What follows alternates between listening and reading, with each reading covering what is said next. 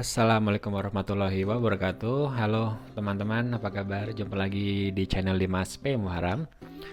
Um, Masih lanjut ya di seri Scholarship Journey kali ini. Saya masih ngomongin soal ELTA Atau English Language Training Assistant. ELTA itu program dari Australia Awards Scholarship juga atau beasiswa AAS Mungkin kalau teman-teman sudah tonton video sebelumnya saya yang ngobrol dengan salah satu alumni dari program ELTA juga, Lutfi, yang saat ini juga sedang melanjutkan studi bareng sama saya di Australia meskipun beda kampus. Dia di Monash University di Melbourne. Uh, sama-sama program AS juga. Nah, jadi program ELTA ini memang kayak semacam pathway, teman-teman. Pathway buat teman-teman yang mungkin ingin lanjut kuliah S2 di Australia dengan beasiswa AAS, uh, tapi mungkin merasa nilai bahasa Inggrisnya masih kurang-kurang dikit atau um, mau coba untuk ambil tes IELTS tapi agak ragu karena ya secara tes itu agak mahal sekitar 3 juta rupiah sekali tes. Dan kalau misalnya gagal ya udah nggak kepake nilainya jadi mau coba-coba ikut ELTA dulu biar bisa dipakai uh, IELTS-nya nanti untuk ngelamar AS itu juga bisa juga. Itu nah tapi yang jelas bahwa di program ELTA ini teman-teman bukan nanti hanya dapat tes IELTS gratis kalau lulus ya, tetapi juga dapat mm, kuliah atau course kursus selama tiga setengah tiga setengah bulan kurang lebih. Dan program ini memang sebetulnya ditargetkan untuk mereka yang ada di kawasan Indonesia Timur uh, di provinsi Papua, Papua Barat, Maluku dan Maluku Utara serta NTB dan NTT dan juga untuk penyandang disabilitas tapi kalau untuk penyandang disabilitas tidak dibatasi dari enam provinsi itu saja tapi untuk seluruh provinsi di Indonesia. Jadi kalau misalnya kamu penyandang disabilitas, tunanetra, tunadaksa, tunarungu atau yang lainnya, tapi misalnya di Sumatera Barat atau di Jakarta atau di Jawa Barat itu tetap bisa ikut untuk melamar ya, untuk melamar program ELTA. Jadi nggak perlu khawatir. Terus, nah sekarang di sini saya akan lebih sharing lagi bagaimana agar teman-teman ini bisa lulus atau bisa sukses di seleksi administrasi karena dari yang dijelaskan oleh Lutfi kemarin uh, di video sebelumnya itu seleksinya itu ada beberapa tahap. Ada pertama tahap administrasi. Lolos administrasi nanti akan dipanggil untuk tes tertulis. Nanti tertulis itu nanti akan dibagi tiga peserta, ada yang under qualified, ada yang qualified dan over qualified. Nah, yang qualified ini akan masuk ke tahap wawancara dan nanti akan diumumkan terakhir siapa saja yang lolos untuk mengikuti program ELTA ini gitu. Nah, tapi tahap pertama itu ada administrasi. Nah, jadi ada beberapa yang teman-teman perlu um, cermati ya. Kalau saya pribadi saya bukan alumni program ELTA, tapi saya coba bantu teman-teman untuk lebih bisa memahami lagi proses seleksi administrasinya ini biar teman-teman um, sukses di tahap administrasinya ya at least. Oke, kita lanjut. Nah, jadi untuk proses pendaftarannya ini uh, via online di situs australiawardsindonesia.org nanti saya akan kasih linknya di bawah di uh, kolom deskripsi nanti teman-teman bisa masuk ke sana dan nanti ngisi formulir secara online nah sebelum ngisi formulir online itu mungkin ada beberapa dokumen yang teman-teman perlu persiapkan dulu ya yang pertama itu salinan KTP. Jadi KTP karena ini semua online jadi semuanya di scan ya. Teman-teman bisa scan atau foto KTP-nya di scan atau foto dan usahakan ukurannya tidak lebih dari 2 MB. Pokoknya nanti semua file-file atau persyaratan di sini tuh tidak lebih dari 2 MB gitu ya. Semuanya di uh, pertama KTP. Ini tidak perlu ditranslate pastinya KTP nggak usah. Lalu kurikulum vitae atau CV teman-teman dengan format resmi. Di sini sih tidak dicantumkan berapa halaman ya, tapi saya saran sih jangan lebih lah dari dua halaman karena untuk beasiswa AS pun juga yang untuk melamar S2 atau S3 pun CV-nya itu tidak lebih dari dua halaman. Jadi teman-teman buatlah dua halaman, nggak perlu di format aneh-aneh, cukup polos aja pakai Microsoft Word. Yang penting um, mencantumkan data-data yang penting kayak data diri, terus juga pengalaman kerja, um, pengala apa juga riwayat pendidikan terus juga ya pokoknya mungkin kalau ada riwayat pelatihan atau yang lain-lain yang atau misal teman pernah ikut lomba itu bisa dimasukkan juga. Tetapi saran saya untuk CV masukkanlah hanya poin-poin yang terbaru ya. Ya tapi kalau misal ikut lombanya itu relevan dan terakhir 10 tahun yang lalu ya nggak apa-apa juga masukin. Yang penting terakhir yang terakhir ya terbaru dan yang pasti tadi relevan. Yang kira-kira ini bakal bakal mendukung um, menambah reputasi teman-teman untuk bisa lolos di ELTA ya. Kayak gitu. Apa aja sih yang kira-kira bisa membantu ya menurut saya sih kayak semacam riwayat organisasi itu kayaknya bisa membantu atau teman-teman aktif di kepanitiaan ya kan atau pernah ikut lomba nulis misalnya atau lomba pidato misalnya itu kan kayaknya agak-agak real relate ya dengan kursus bahasa Inggris. Gitu oke. Setelah KTP CV lalu salinan ijazah pendidikan terakhir. Nah ini pastinya adalah ijazah S1 ya karena kan syarat mengikuti ELTA ini adalah teman-teman harus S1 dulu. Gitu ya persyaratannya.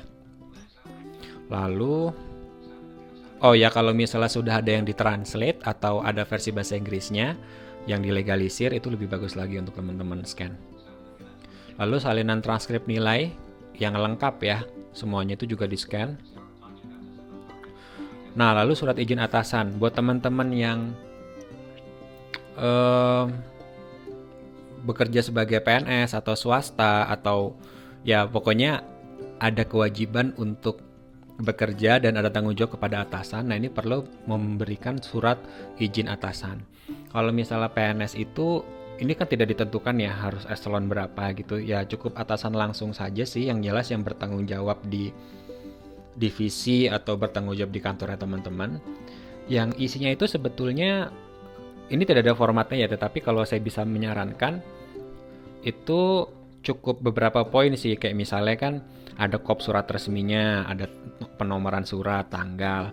Lalu dikasih misalnya kepada Australia Awards in Indonesia misalnya lalu saya bertangan di bawah, bertanda tangan di bawah ini misalnya tulis nama pimpinannya siapa, jabatannya apa, NIP-nya apa kalau misalnya PNS.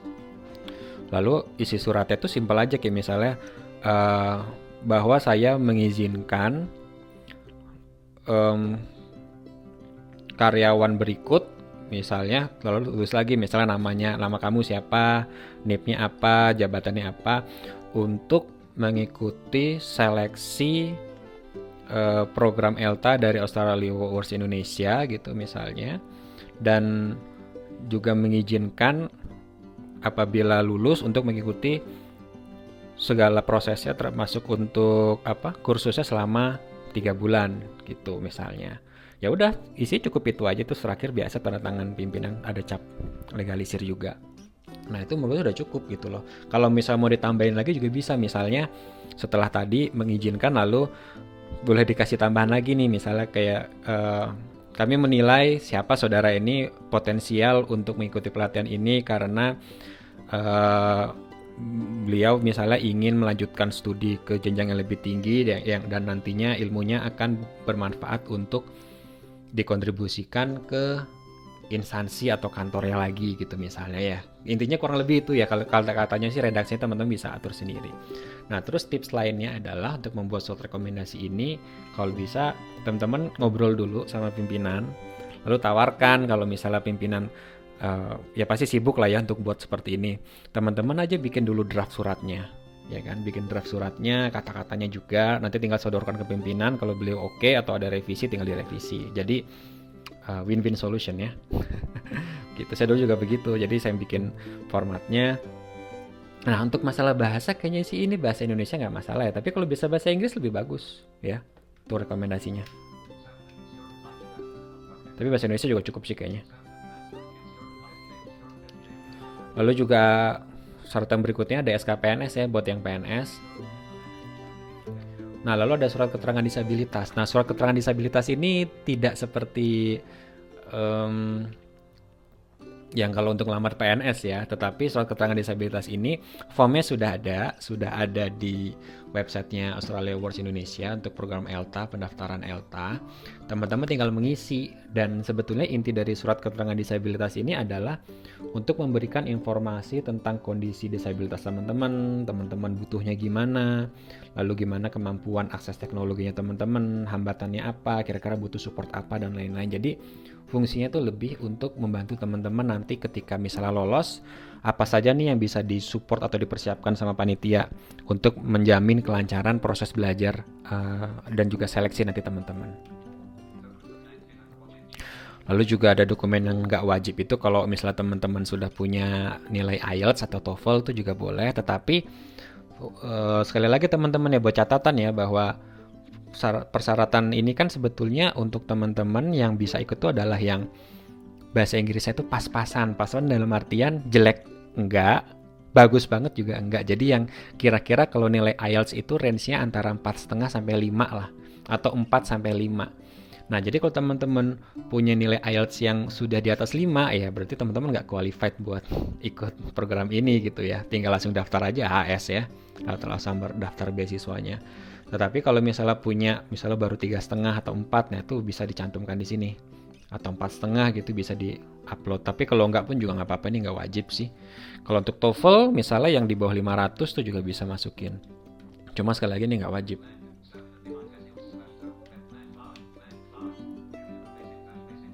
Nah, itu sih sebetulnya um, persyaratan yang teman-teman siapkan dan um, saya saya yakin kalau teman-teman ngikutin prosesnya secara benar ya di formnya itu sudah ada langkah-langkahnya. Kayak misalnya ukuran filenya lalu juga hmm, nanti bagaimana cara penamaan filenya. Penamaannya itu adalah dengan nama lengkap underscore atau underline nama dokumennya. Nanti itu juga ada, ada contohnya pokoknya di ketika teman-teman upload di formnya ya itu sudah ada semua. Nah mungkin untuk beberapa poin lagi adalah ketika mengisi formulir di sini tidak ada essay, tidak ada essaynya, tetapi teman-teman hanya diminta dua pertanyaan.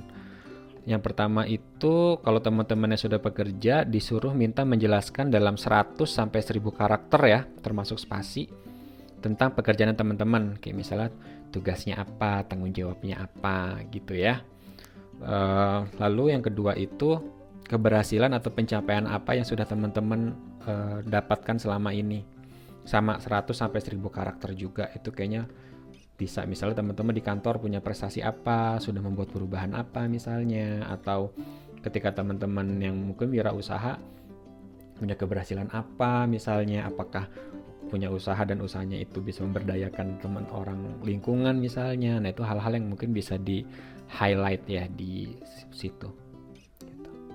uh, mungkin itu aja uh, simple untuk seleksi administrasi yang jelas untuk tahun ini masih ada waktu buat teman-teman ngelamar. Secepatnya aja bisa dicek nanti di link untuk pendaftaran yang saya kasih di deskripsi. Dan disclaimer juga bahwa ini hanya berbagi pemikiran dan juga saran ya. Uh, bukan bukan resmi representasi dari representatif dari Australia Awards Indonesia atau Australia Awards Scholarship. Tapi ini hanya berbagi pemikiran. Mudah-mudahan bisa jadi bahan diskusi dan teman-teman bisa sukses juga untuk uh, seleksi ELTA dan bisa mendapatkan nilai IELTS yang nantinya dapat dipakai untuk melamar AAS ya. Nah, kalau misalnya ada pertanyaan atau yang masih ragu-ragu atau masih ada ketakutan-ketakutan, bisa disimak di video saya yang bareng Lutfi atau bisa juga dengan uh, tulis di kolom komentar ya. Oke, dia masih signing out. Thank you and see ya.